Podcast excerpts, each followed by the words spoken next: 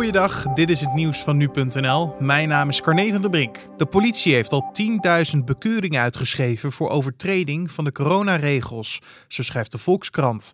BOA's hebben daarnaast ook al duizenden processen verbaal opgemaakt. Volgens de krant stijgt met het aantal bekeuringen ook het verzet tegen de coronaboetes.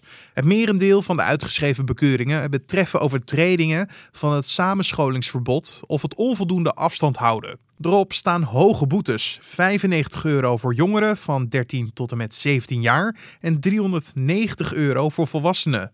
Een gedeelte van de mensen die een bekeuring hebben ontvangen stapt volgens de Volkskrant naar de rechter. De reden hiervoor is de onduidelijkheid van de noodvorderingen.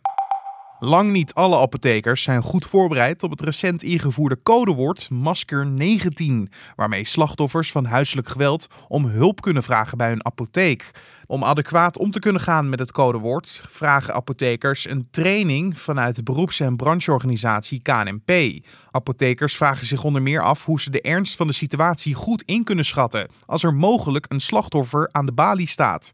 Aris Prins, voorzitter van KNP, benadrukt in de krant dat de beroepsgroep vooral als doorgeefluik functioneert. Verder geeft hij aan dat ze bezig zijn met het ontwikkelen van een training. De natuursubsidie die koning Willem-Alexander ontvangt voor kroondomein Het Loo is onrechtmatig verleend. Dat zeggen drie juristen in het onderzoeksprogramma Zembla. Het programma heeft namelijk de subsidiebeschikking in handen.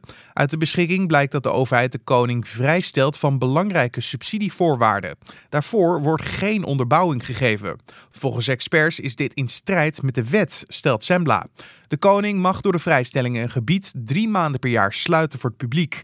Echter, andere subsidieontvangers moeten het terrein minstens 358 dagen per jaar voor het publiek openstellen.